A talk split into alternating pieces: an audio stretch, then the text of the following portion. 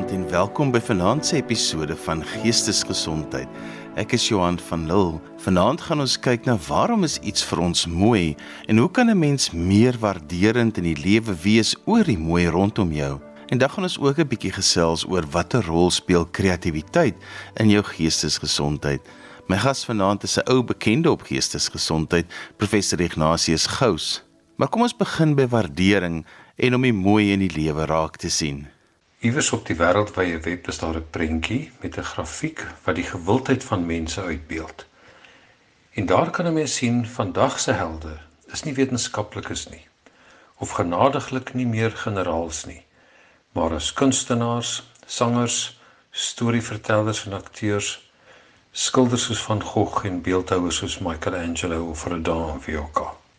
In Denemarke in die stad Odense is daar twee baie belangrike mense gebore. Die een is Hans Christian Andersen wat 'n storieverteller was en die ander een was Niels Bohr wat 'n wetenskaplike was.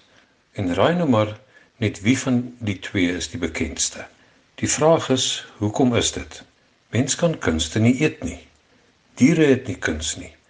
En as 'n mens dink aan die tyd en geld wat aan kuns gespandeer word en 'n mens dink hoe mens dit kan gebruik om liewers armoede te verlig, kan 'n mens sonder twyfel werklik baie doen. So wat is die oorlewingswaarde en die funksionaliteit van dinge wat vir ons gewoon mooi is, naamlik die kunste? Waar kom dit vandaan hierdie waardering daarvoor? 'n Vraag wat hiermee saamhang is of die kunste nog enigsins 'n plek het in vandag se skole en universiteite en ander opleidingsinstansies. Voorkeur word al lankal gegee aan die sogenaamde STEM-vakke oftewel science, technology, engineering and mathematics. Baie universiteite sluit kursusse wat oor die kunste gaan. Gaan dit ons deur die 21ste eeu en die 4de industriële revolusie help? Nogmaals bly die vraag: Waar kom die kunste vandaan en watter plek moet dit inneem in ons samelewings? Die wetenskaplike Steven Meiden, 'n antropoloog van die Universiteit van Reading in die Verenigde Koninkryk, bied 'n baie interessante verklaring aan. Hy verduidelik dat ons brein in die begin soos 'n kathedraal met afsonderlike en afgesonderde kamers was. En dit lei hy af van die blyplek van die oormense waar hulle op een plek gesosialiseer het, op 'n ander plek hulle industrie gehad het, waar hulle hulle klipwerktuie gemaak het en op nog 'n ander plek hulle jag en slag gedoen het. Maar toe sê hy vind daar 'n deurbreking van die mure plaas en die blyplek, die sosiale plek en die industrie en die jag en slag word op een plek gedoen. En dit is ook toe wat hy sê dat daar kuns ontstaan het. Kuns was dus of oor die rede of die gevolg van hierdie vervloeiing van denkpatrone. En dit het gelei tot 'n oplewing van ontwikkeling op elke gebied. Die mense van daardie tyd het toe beter tegnologie en wapens begin ontwikkel. Hulle het beter gejag en hulle het meer komplekse samelewings geskep. Nou ja, Steven Pinker het van Steven Meiden se teorie gesê, "It's an awful lot of psychology on a very thin body of evidence." In deesdae glo ons ook nie meer so aan die modulêre teenoor die netwerk idee van die brein nie. Maar tog maak Steven Meiden se idees heelwat sin dat kuns 'n baie groot invloed het op hoe ons ons samelewing hanteer en hoe ons ons dinge doen is werklik waar. So die vraag bly dus wat dra dit by? Wat spreek dit aan en hoe help dit vir 'n mens? Myns en siens help dit mense om sin te maak van die twee groot bakens in 'n mens se lewe, naamlik die behoefte aan orde en voorspelbaarheid wat die grondslag vorm van gevoelens van geborgenheid en veiligheid aan die een kant en die ewe groot behoefte aan groei en vooruitgang aan die ander kant wat weer die basis is vir die belewenis van vernuwing, inspirasie, opgewondenheid en dinge wat vir ons bly maak. Jordan Peterson, die sielkundige van Toronto in Kanada, het gepraat van die oorsprong mites van al die oer of ouer samelewings. Volgens hom maak al hierdie oorsprong mites gewag van 'n vader, 'n moeder en 'n seunfiguur. Nou mens moet onmiddellik sê 'n mite is nie 'n onwaarheid soos wat ons dit vandag interpreteer nie. 'n Mite is 'n baie belangrike lewenswaarheid wat in storieformaat gegiet en oorgedra is. En as sodanig is 'n mite dus eintlik 'n feit soos 'n koei. En net so te loops Patrick Nunn het uitgewys dat baie ou stories wat ons vandag as onware versinsels of hersenskimme beskou, dikwels 'n kernwaarheid besef wat selfs meer as 7 tot 10000 jaar oud is en nog steeds korrek is. Byvoorbeeld, die Klamath Sibbe uit Oregon in die VSA vertel 'n verhaal van hoe daar 'n godestryd was wat die berg Mazama in 'n kratermeer verander het. Onlangse geologiese navorsing het dit as waar bewys, naamlik dat die vulkaan uitgebars en ingeplof het op homself en tot die ontstaan van die kratermeer daar gelei het. Volgens Nan lei 'n gespesialiseerde verhaal vertelgilde en 'n relatief kulturele isolasie tot geloofwaardige oorvertelling soos hierdie. Maar dit was net so te loops. Indien jy dink net moderne mense kan waarhede kwytraak en behoede ons indien jy politici se uitdinge glo. Maar terug na Petersen. Volgens hom versimboliseer die vaderfiguur die idee in 'n menselewe van orde en voorspelbaarheid. Maar hy sê dit kan ook degenereer na of verword in rigiditeit en verstoktheid. Die moederfiguur daarenteen versimboliseer groei en vernuwing en vitaliteit. Maar te veel daarvan sê hy kan ook ongebreidelde groei en dus chaos veroorsaak. En hier tree die seunfiguur dan na vore en is gewoonlik die bemiddelaar wat die tussengrond tussen hierdie orde en groei, rigiditeit en chaos moet bekleë. En dit sien mense in al die oermites en oorsprongmites van die Enuma Elish uit Babelonie, die Isis, Osiris en Horus figure uit die verhale van Egipte en ook in die Hebreëse skepingsverhale. Ons wil dus aan die een kant voorspelbaarheid hê want dit laat ons veilig voel. En ons is onthuts en ontsteld as hierdie voorspelbaarheid versteur word. Aan die ander kant wil ons vernuwing hê en vooruitgang sien. Maar ons raak ook ongemaklik en selfs bang dat dit te veel gaan word. En so pendel ons tussen tussen angs en sekerheid, soos Ferdinand Duist jare gelede geskryf het. Selfs hoe ons optree teenoor mekaar is patroonmatig en is 'n spel tussen orde en vernuwing. As 'n mens dink hoe mense teenoor mekaar optree, is daar altyd net vier aspekte betrokke. Daar is 'n agent of die persoon wat die handeling doen. Daar is 'n pasiënt of terwyl die ontvanger van die handeling en die persoon aan wie iets gedoen word. Daar is 'n instrument waarmee dit gedoen word en dan is daar 'n gevolg. Byvoorbeeld, 'n pa gee vir sy dogter iets om te eet en die gevolg is dat sy gevoed en nie meer honger is nie. Die interessante is dat elke interaksie tussen mense hierdie patroon in 'n minder of meer komplekse manier vertoon. Alle rituele vertoon presies hierdie patroon. Selfs godsdienstige rituele. En dit is ook dus die basiese onderbou van elke verhaal, elke film op skerm of elke sepie op die TV. Maar die vraag is nou, is dit waar van alle kunsvorme? So kom ons kyk na 'n paar kunsvorme, maar ons begin sommer by die kunsvorm om stories te vertel. As 'n mens dink aan die vertellers en die ou vertellers van stories reg deur die eeue, dink 'n mens baie maklik hulle is agterlike mense en mens kan vermoed omdat hulle toe nog nie tandepasta gehad het nie, sou hulle asem 'n boerbok laat styer het. Maar ten spyte daarvan was hulle denke vars en selfs nou nog iets wat 'n mens kan verryk. Wat ook opvallend is, is die feit dat daar selfs by hulle voorbeelde is van die spel tussen orde en vernuwing. As 'n mens byvoorbeeld kyk na die ou verhaal in Klaagliedere 4 in die Bybel, is dit 'n geweldige ontstellende verhaal waar 'n mens sien die verlies aan die voorspelbaarheid en die verlies aan elke ding wat 'n mens gedink het vas is soos natuurverordeninge, naamlik moederliefde vir hulle kinders. En 'n mens lees dan met dit in gedagte dat daar die moeder self sy kinders geëet het in tye van swaar kry. Dan besef 'n mens dat hulle in 'n ongelooflike moeilike situasie was en dat dit vir 'n mens baie ontstellend is. Maar hoe word hierdie geweldige moeilike en ontstellende dinge vertel? Dit word geweldig ordelik vertel. Van die verhaal neem die patroon aan van 'n akrostiese verhaal. En 'n akrostiese verhaal is een waar elke volgende strofe met 'n volgende letter van die alfabet begin. Hier is met ander woorde 'n spel tussen orde en chaos.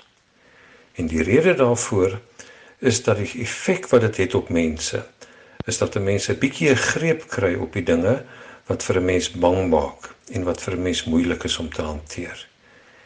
En hier sien 'n mens dus die spel tussen orde en chaos binne in 'n literatuurvorm. Die waarde hiervan is dat dit vir 'n mens leer lewe. Verhale is lewenssimuleerders en waar 'n mens kan deelneem en deel moet word en waar 'n mens moet kan begin voorspel wat jy sou gedoen het in sulke situasies. Ook poesie is 'n taalkuns waar daar 'n spel is tussen vaste vorm en rym en die emosies wat soms kan los wees maar wat geordend geuiter word. Die vraag is nou wat in die lewe dit het met die onderrig vir die nuwe toekoms wat voor ons te staan is. Kan waardering vir 'n mens leer leef in die 21ste eeu? en leer oorleef in die komende industriële revolusie. Mense dink eintlik nie so nie. Nou al verwag niemand dat enige sanger of kunstenaar buskruit gaan uitvind nie en dat enige vuurwerke maar net oor verblindery op die verhoog kan wees, lyk dinge tog 'n bietjie anders. Die oproep is dat ons meer mense in STEM moet oplei, science, technology, engineering and mathematics om vir ons die masjiene te bou wat ons die toekoms kan indra. Nou dit is waar, maar die interessante is dat die kunste 'n terugkeer maak. Daar is 'n hele beweging in die onderwys en opleiding van die wêreld wat vra dat ons die STEM akroniem of afkorting na STEAM moet verander en 'n A moet bysit vir arts. Die rede is dat die kreatiewe kunste lei tot beter wetenskap, meer oplossende tegnologie ingenieursoplossings wat uitstyg en wiskunde wat sin maak. Dit is dus Steven Meiden in oorvloed. Die kunste lei tot kreatiewe oplossings. Daniel Pink skryf in sy boek A Whole New Mind dat kreatiwiteit kunstsinnig, empaties en vol emosie is. Naiman skryf dat kreatiwiteit gebaseer is op storievertelling, spel of terwyl gaming, ontwikkeling van denkvaardighede gestruktureerde vraagstelling of heuristiek en dan die toepassing in die werklike lewe. Die skepende proses vir probleemoplossing en die ontwikkeling van nuwe tegnologie volg die stappe waar die kunste 'n integrale deel van vorm. En hierdie stappe is byvoorbeeld mens begin by 'n vraag te vra oor die werklikheid. Dan jouself te verbeel wat oplossings kan wees, met ander woorde 'n soort van 'n brainstorm en dan kan 'n mens begin beplan en gestruktureer dink, skep en dan reflekteer en dan die oplossing wat jy kry verbeter. Rupnik koppel dit aan wat hy die COVA tegniek noem. Choice, ownership, voice and experience. Met ander woorde, ons het 'n keuse in wat ons wil doen. Ons neem eienaarskap daarvan. Ons het inspraak daarin en dit moet alles gekoppel word aan 'n geloofwaardige en 'n werklikheidsnabyheid waaraan die leer gekoppel kan word. Al hierdie dinge wys daarop dat die kunste die wetenskap met die werklikheid en die menslikheid in verband stel. Dit is hoekom lande soos China en Asië en dele van Europa en Rusland die kunste nie net waardeer nie, maar selfs gebalanseerd prioritiseer. Nou vergelyk dit met wat in ons land met die kunste gebeur en selfs in die FSA en ander westerse lande. Ek onthou op 'n besoek aan Rusland het my kollega daar my op 'n Vrydag aand na die Trechakov kunsgalery geneem. Ek het gedink ons gaan die enigste twee mense daar wees.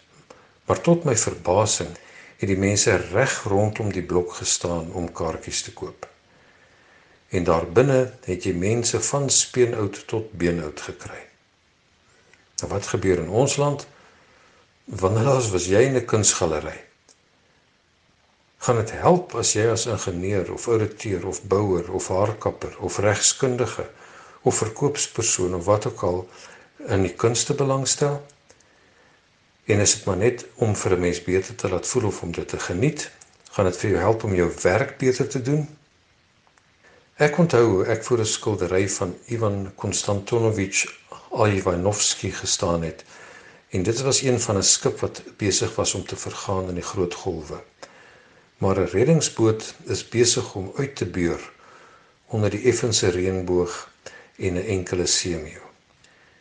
Die hele lewe was vir my in daardie skildery opgeneem. Die uitdagings waarvoor ons te staan kom elke dag.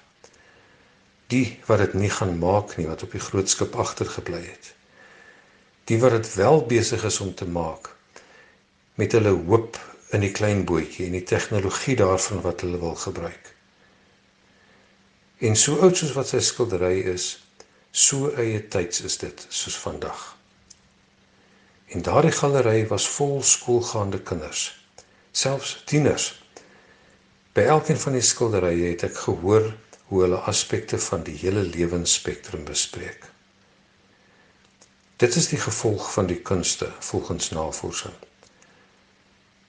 As mens dit reg en gebalanseerd gebruik, kan dit lei tot beter sosiale, kulturele, emosionele en kognitiewe ontwikkeling. En dit kan meer selfvertroue skep, ook beter kommunikasievaardighede, kreatiwiteit en selfs akademiese prestasie. Die skole, opleidingsinstansies en universiteite waar kuns en kultuur sterk staan, is gewoonlik ook akademiese sterk instansies. En kyk nou maar na Leonardo da Vinci. Hy was kunstenaar, maar ook iemand wat baie eie tydse uitvindings wat ons vandag gebruik, toe al gekonseptualiseer en uitgedink het. Al probleem met sy uitvindings was dat dit afhanklik van menslike krag was. Mense het in sy panservoertuie gesit en moes dit aandryf en binne in sy masjiene gesit en dit moes draai. Die industriële revolusie het toe gekom met die stoom en met die petrol engines en dit uitgevind. En toe kon hulle sy uitvindings geoptimaliseer het en werklik laat begin werk het. Die wetenskap het sy kreatiwiteit aangevul, maar in die proses sy kunsinnigheid verloor. Die kunste moet dit vandag weer terugsit en sorg dat ons uitvindings nog verder gaan. Maar die hele lewe en werklikheid moet in terselfdertyd in ag geneem word. Die waarderende brein is een wat breed sien, wat ver kyk en wat goed verstaan. Want dit sien die lewe in sy kompleksiteit, man sy mooi, in sy moeilikheid en in elke aspek raak. En met hierdie gedagte in jou agterkop kan jy elke deel van die lewe begin waardeer. Starry starry night Paint your palette blue and grey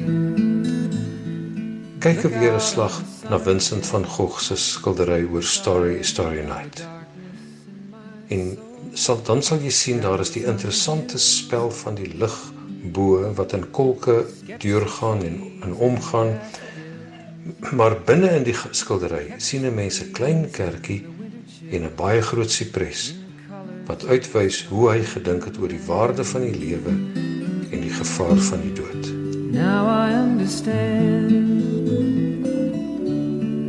what you tried to say to me and how you suffered for your sanity how you tried to set them free. They would not listen, they did not know how. Perhaps they'll listen now. Starry, starry night. Flaming flowers that brightly blaze. Swirling clouds in violet haze reflect in Vincent's eyes of china blue, colors changing hue. Morning fields of amber grain, weathered faces lined in pain are soothed beneath the artist's loving hand. Now I understand what you tried to say to me, and how you suffered for your sanity, and how you tried to set them free. They would not listen, they did not know how. Perhaps they'll listen now, for they could not love you. En dan as 'n mens ook verder kyk, sien 'n mens baie van die skilderye maak gebruik van die Fibonacci spiraal, die goue spiraal of die goue ratio. Soos byvoorbeeld Johannes Vermeer se meisie met die pareloorbel. En dan kan jy selfs na jou selfoon kikkies kyk en the rule of thirds volg en belangrike items in die prentjies wat jy afneem in die hoekies van die blokkies plaas. En so kan jy ook selfs jou kookkuns tot hoër hoogtes neem. Dis reg as 'n mens net iets aan mekaar kan slaan, maar word ten minste 'n kok wat resepte kan interpreteer. Maar bovenal leer by die chefs wat nie maar net 'n goeie kok is nie, maar iemand wat 'n diep verstaan het van voeding, van voedsel van kuns en komposisie en die diepe rede vir saam wees en saam eet verstaan en dit kan interpreteer. En so kan 'n mens dan begin eet as gesin en ons kan ons deel met mekaar en met ons al ons sintuie want ons eet met sig, met gehoor, met proe en met praat. 'n Waarderende brein waarvan die kunste al ons sintuie st stimuleer is 'n kreatiewe en 'n ryk brein. Dit is 'n brein wat beter in staat is om die volle lewe raak te sien. 'n Waarderende brein is een wat die kuns van die lewe en om te kan lewe bemeester.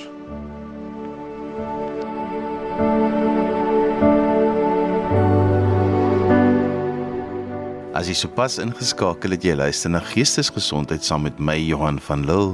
My gas is professor Ignatius Gous en ons het die program begin deur te gesels oor waarom is iets vir ons mooi en hoe kan 'n mens meer waarderend in die lewe wees oor die mooi rondom jou? Nou gaan ons gesels oor die rol wat kreatiwiteit in jou geestesgesondheid speel. Nou dink 'n bietjie.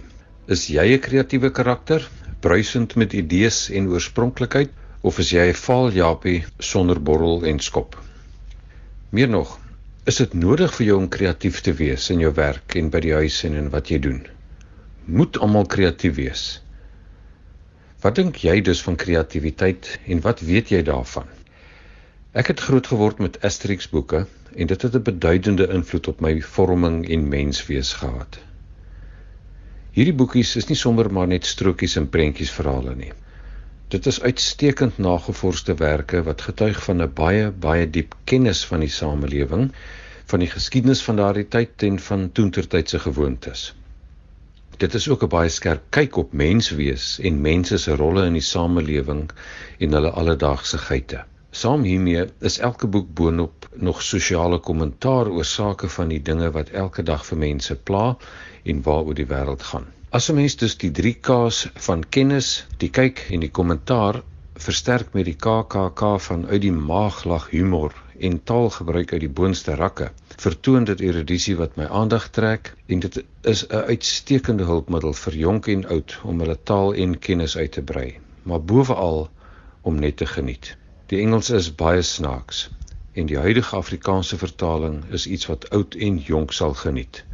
'n Mens kan dit sommer in skole ook as 'n hulpmiddel gebruik. Daar is byvoorbeeld een toneel in een van die Asterix boeke, Asterix in Switzerland, waar die slim held Asterix en die nie so slim maar goedige en sterk Obelix op 'n verhoog tussen 'n klomp akteurs beland. Die klomp akteurs gedra hulle heeltemal oordadig en vra net nog gremering om hulle nog slegter te laat kyk en hulle toneelspel is laf en oneg. Hiermee het Cossini en Uderzo die kritiek gelewer op die onegte kreatiwiteit en die aangeplakte lawwigheid en aandagsoekery wat 'n mens ook deesdae sien as mense probeer snaaks wees deur te vloek of wanneer hulle totale grappie net bestaan oor mense se uitskeidingsfunksies of naasliggend onder die rok en beld. Nou vergelyk dit nou met die twee Fransmanne se ware kreatiwiteit, hulle sosiale kommentaar, hulle goeie gespot met mense. En dit alles gekoppel aan die werklike historiese korrektheid en goeie taalgebruik. En daar het 'n mens sommer 'n voorbeeld van wat werklike kreatiwiteit is. So het elkeen van ons dus 'n siening van kreatiwiteit. Jy het ook 'n kennisstruktuur wat gevorm is deur jou vorige blootstellings daaraan. Dink dit gou weer hoe jou idee van kreatiwiteit gevorm is. Dink jy dalk dit is net vir digters en skilders en die akteurs wat kreatief is en kreatief hoef te wees? Of dalk het jy kursusse oor kreatiwiteit bygewoon waar jy gevra is om te dink aan hoeveel gebruike van 'n skuifspeld jy kan opnoem en wat dan vir jou sê dit is die manier van hoe kreatiwiteit getoets word. Hierdie manier van kyk op kreatiwiteit is wat die kreatiwiteitskenner Paul Torrance divergent thinking noem. En volgens hom is dit 'n voorspeller van hoe kreatief mense kan wees, asook 'n goeie manier om kreatiwiteit te oefen en te beoefen. Dit weerspieël egter ook 'n siening van die brein wat nie meer vandag die toets van nuwe navorsing deurstaan nie. Mense sê byvoorbeeld dat kinders baie meer gebruike van 'n skuifspeld kan opnoem, baie meer as volwassenes, en dat dit wys hoe die skoolstelsel ons benadeel en onkreatief maak. Dit is egter nie waar nie, want breine gaan oor effektiwiteit. Wanneer jy iets nuuts leer, is daar baie breinbane en baie breinselle betrokke. Maar wanneer dit gefestig is, verminder die neurobane na net dat dit wat nodig is om dit oor te dra. En dit help ons om effektief te leef. Want dink net 'n bietjie, as jy elke oggend elke ding wat jy teekom eers moet oorweeg op hoeveel maniere jy dit kan gebruik, gaan dit nie werk nie. Byvoorbeeld, is jou tandeborsel iets wat jy jou naels mee moet skoonmaak of die modder uit die groefies onder jou skoene moet uitkrap of jou wenkbroue en neushare moet kam of jou rug moet krap en dit is nou net die voorkant As 'n mens dit alles moet doen en oorweeg, gaan niemand van ons voor 2 uur die middag by die werk opdaag nie. Beskouings oor kreatiwiteit moet dus berus op 'n baie goeie siening van hoe die brein werk. Vir baie lank is dit gebaseer op sienings van die brein wat deesdae nie meer aanvaar word nie.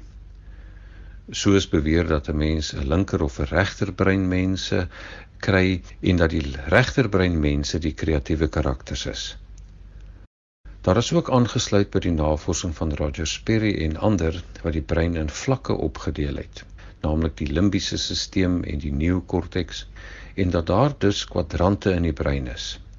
En so het sommige mense 'n voorkeur vir feite, ander vir patrone, ander vir gevoelens en emosies en ander vir kreatiewe denke met allerlei soorte kombinasies hiertussen kreatiwiteit en karakter kan dus gelokaliseer word in 'n sekere breinarea volgens hierdie siening. Maar die feit is dat navorsing hieroor en oor die brein heelwat vooruit gegaan het en baie van hierdie dinge word deesdae gesien as neuromites en dat 'n mens nie meer die brein so kan sien nie en so kan beskryf nie.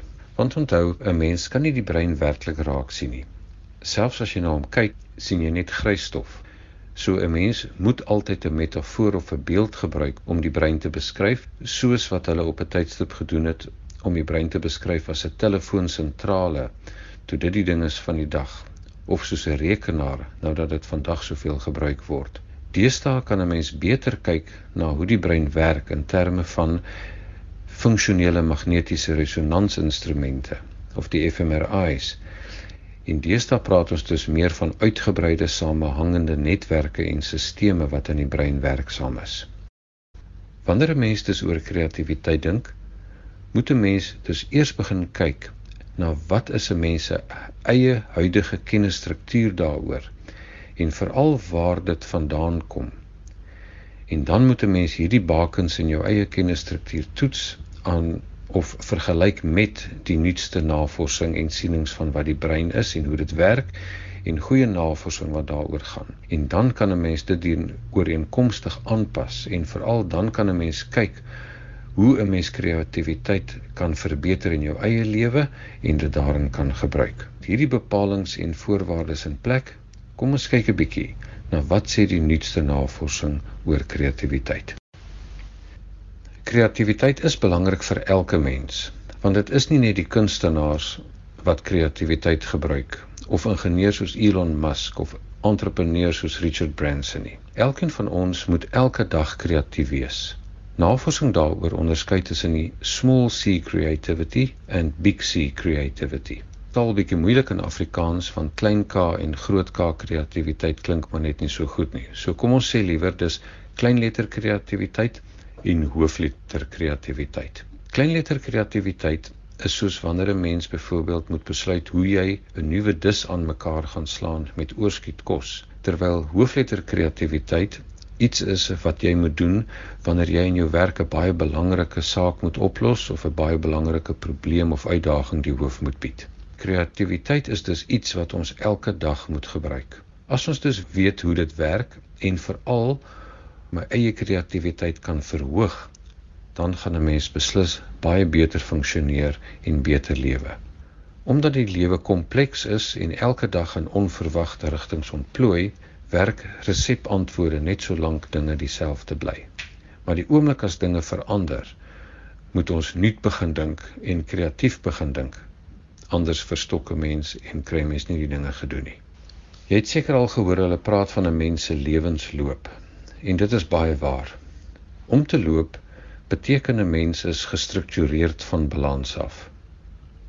Indien 'n mens perfek in balans is, perfek gebalanseerd is, beteken dit jy staan stil op een plek. As 'n mens perfek ongebalanseerd is, beteken dit 'n mens val op jou gesig. Maar hier tussenin is daar 'n wye spektrum van maniere om gestruktureerd van balans af te wees. Byvoorbeeld soos wanneer 'n mens loop of hardloop of struikel of klim of val en opstaan of dans. En dit kan 'n mens alles doen met of sonder hulpmiddels. Met ander woorde, jy kan dit te voet doen of jy kan dit doen op ijskaatse of op 'n branderplank of op 'n skopfiets of op 'n trapfiets. Ek dink jy kry die idee.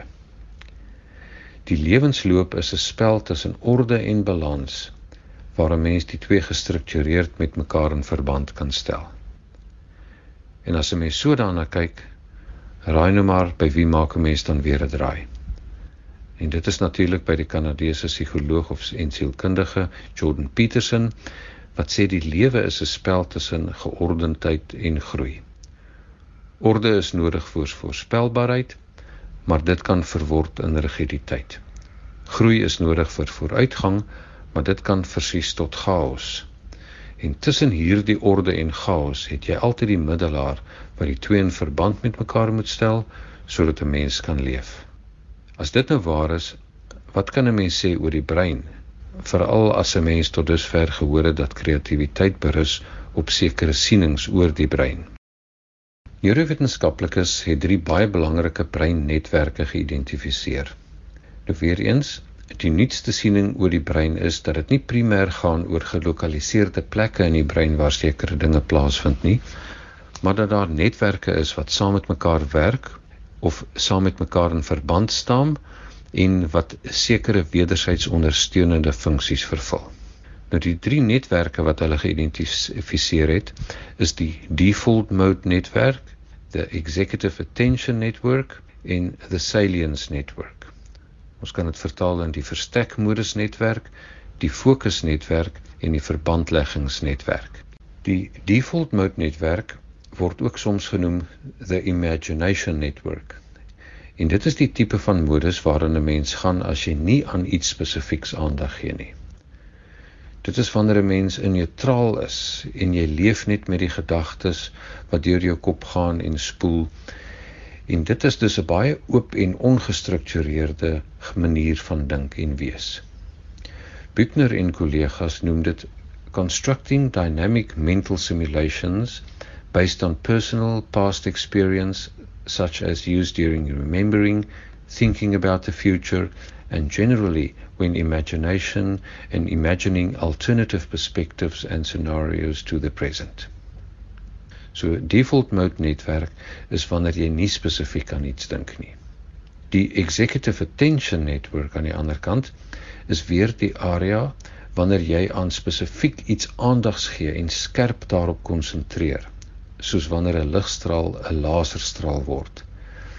Dit is wanneer 'n mens die dinge van buite af uitskakel en op 'n spesifieke ding en saak aandag gee en fokus en kyk spesifiek wat 'n mens daarmee moet doen. Die salience netwerk is die derde ene en hierdie netwerk moniteer en verwerk beide eksterne gebeure en die interne bewussyn daarvan. En dit wat die meeste aandag verg en dis dit wat salient is word gerangeer na die stelsel wat dit moet behartig en hanteer. Wat belangrik is om te weet, is dat gewoonlik dat hierdie netwerke uitsluitend is van mekaar. Hulle is wederzijds uitsluitend want jy kan nie in jou default mode netwerk wees terwyl jy aan spesifiek iets aandag gee. Met ander woorde, dis jou executive attention netwerk geaktiveer het nie of andersom. Daarom as die een stop, begin die ander een en andersom. Sover ek weet het niemand nog Jordan Peterson se idees oor die eise van die lewe en die nuutste navorsing oor die netwerke met mekaar in verband gebring word nie. Maar as 'n mens kyk na wat Jordan Peterson sê oor groei, lyk dit vir my baie na wat gebeur in jou default mode netwerk. En wanneer hy praat oor orde, is dit baie wat gebeur in die executive attention network. En wanneer hy praat oor die middelaar daartussen, lyk dit vir my baie na die salience netwerk. Default mode netwerk gaan dus oor groei en speel. Executive attention gaan oor struktuur en orde en die salience netwerk gaan oor die bemiddeling tussen hierdie drie. Soos genoem, is 'n baie belangrike persoon in die navorsing oor kreatiwiteit Paul Torrance en hy het baie daarvan gemaak wat hy noem divergent thinking. En die navorsing daarna het probeer om hierdie sienings te baseer op sekere sienings van die brein, soos gesê oor die linker en die regter brein of die vlakke en die kwadrante. Maar daar is egter baie interessante nuwe navorsing en die eerste daarvan is gepubliseer in 2018 deur BT en nog 9 ander mense. En hulle het gaan kyk hoe lyk 'n kreatiewe mens se neurale argitektuur. Met ander woorde, hoe werk hulle brein as hulle kreatief is? Hulle het gesien dat hierdie drie funksionele netwerke, naamlik die default mode, die executive attention network en die salience network, 'n baie belangrike rol hierin speel. En hulle het hierdie navorsing gedoen op 'n baie geldige manier wat genoem word die connectome based predictive modeling. En hulle het gaan kyk na twee vlakke, naamlik die gedragsvlak en die neurale vlak. En wat hulle agtergekom het, is dat hoogs kreatiewe mense die vermoë het om die drie netwerke wat gewoonlik eintlik teen mekaar werk en mekaar uitskakel dat wanneer hulle dit gebruik, hulle dit reg kry om hierdie netwerke te laat saamwerk en ter gelykertyd te aktiveer. Daarom is kreatiwiteit 'n baie komplekse spel tussen spontane en beheerste denke. Scott Kaufman is 'n ander navorsing wat op hierdie terrein werk en hy is as kind gediagnoseer as 'n leergestremde of leergeremde kind. En as gevolg daarvan is hy in 'n spesiale skool geplaas. Een onderwyser het egter iets anders in hom raak gesien, so 'n bietjie van 'n liggie in sy oog en het hom toe begin toets sonder dat daar tyd eh, en tydsbeperkings aan sy toetse gegee is. En toe kom hulle agter hy is eintlik werklik baie kundig en hy stel belang in baie interessante dinge en is hy van toe af op 'n ander manier hanteer. En die uiteinde is dit hy tans 'n professor in sielkunde is aan 'n baie bekende universiteit en dat hy ook begin werk het oor die gedagtes oor intelligensie en kreatiwiteit. En hy noem ook dat die default mode netwerk 'n baie belangrike aspek is en 'n baie groot rol daarin speel en dat dit die basis is van kreatiwiteit en veral hoe dit met die ander drie saam netwerke saamhang. Nou wat beteken dit in die werklike lewe? Kom ek illustreer dit aan die hand van die verhaal van 'n sekere persoon met die van Dudum, D U D U M. Dudum is 'n baie suksesvolle entrepreneur. Hy het begin as 'n cellist en hy het werklik oor die hele wêreld opgetree. Maar hy wou heeltyd sy entrepreneursloopbaan nagevolg het. En daarom het hy besluit hy gaan sy kreatiwiteit in balans bring met besigheidstudies. Hy het 'n baie diepgaande besigheidskennis gaan opdoen en strategiese denke bestudeer en finansiële kennis gaan navors. Dit het hy gekombineer met praktiese kennis en ervaring in besigheidsomstandighede. En hy het hom omring met kundige en kompetente medewerkers wat gewoonlik heeltemal anders werk in die lewe as wanneer 'n mens jou omring met negatiewe klaarkouse. Die kombinasie van kreatiwiteit en plooibaarheid en om dinge nuut aan te pak, op 'n nuwe manier aan te pak en dit te kombineer met 'n baie baie goeie basiese kennis is dis die ding wat hom vooruitgebring het. Die aspek wat hom die meeste gehelp het, is wat navorsers pattern recognition noem.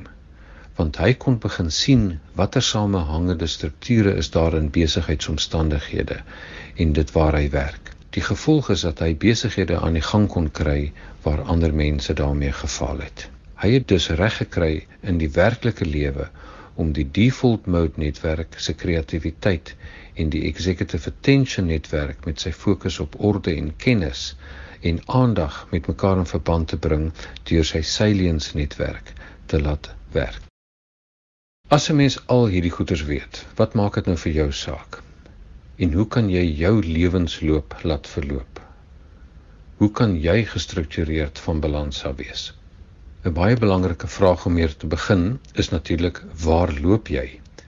Wat is jou konteks en wat is jou gestruktureerdheid? Wat is die eise en uitdagings wat jy elke dag die hoof moet bied? Wat is jou klein liter K tipe van dinge en wat is die hoofliter K's wat jy moet uitsorteer? Nou hier is 'n paar sake wat 'n mens kan doen en aan aandag gee. Die eerste een is dat 'n mens baie seker moet maak van jou balansstrukture en jou kennisbasisse. Jy moet dus dit waarmee jy besig is baie goed ken en jy moet gewoon 'n klomp goeders daarvan weet.